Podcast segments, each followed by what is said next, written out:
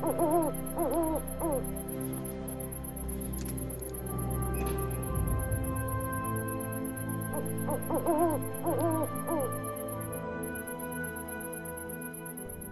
bin Abi Thalib radhiyallahu anhu adalah Amirul Mukminin, khalifah atau pemimpin negara. Ia bisa saja hidup mewah karena wilayah kekuasaan Islam terbentang luas dan Baitul maal selalu menyimpan kas dalam jumlah yang sangat besar. Tapi seperti para pendahulunya, ia memilih hidup sederhana, bahkan sangat sederhana hingga menyebabkan banyak orang iba dan menitikan air mata saat melihat kehidupannya.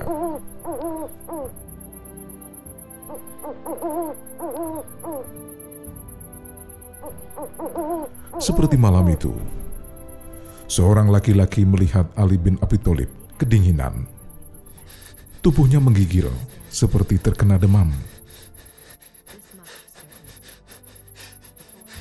Di malam yang dingin sangat menusuk, sang khalifah ternyata hanya memakai selimut beludru karena ia sama sekali tak punya selimut yang tebal.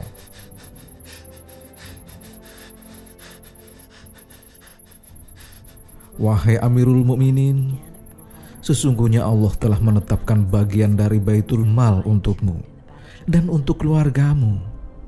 Tapi aku melihatmu kedinginan seperti ini karena kau tak punya selimut Demi Allah, aku tidak mau mengambil sedikit pun harta umat di Baitul Mal. Selimut ini aku beli dari uang pribadiku.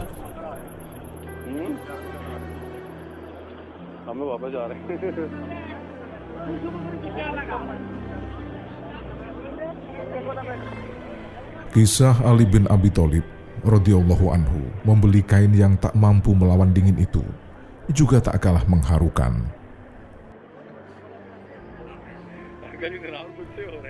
Menantu Rasulullah Shallallahu Alaihi Wasallam itu berniat membeli kain sekedar untuk mengurangi hawa dingin yang menyerang Madinah selama beberapa minggu terakhir. Sayang, ia tak punya uang.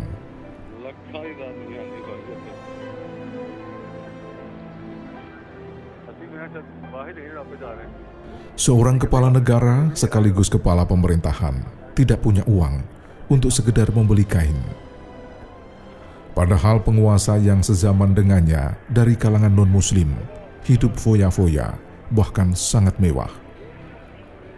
Bahkan setelah zamannya berlalu, penguasa muslim pun mengikuti gaya hidup mewah. Sementara itu, Ali bin Abi Thalib, sahabat yang dijamin masuk surga, sama sekali tak punya uang empat dirham, seharga kain yang ingin dibeli.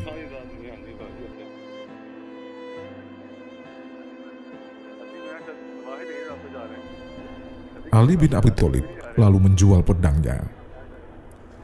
Siapakah yang mau membeli pedangku ini? Seandainya aku memiliki empat dirham saja untuk membeli kain, tentu aku tidak akan menjual pedang kesayanganku ini.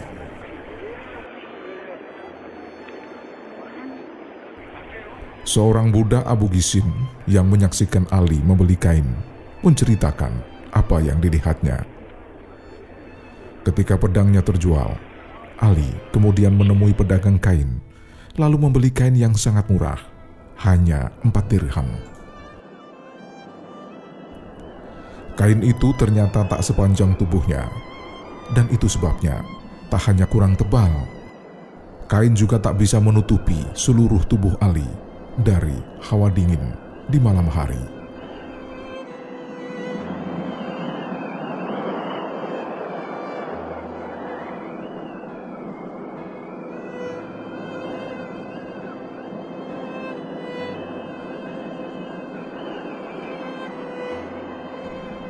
Itulah jalan hidup Ali bin Abi Thalib radhiyallahu anhu. Seperti jalan yang telah dilalui Rasulullah Shallallahu alaihi wasallam.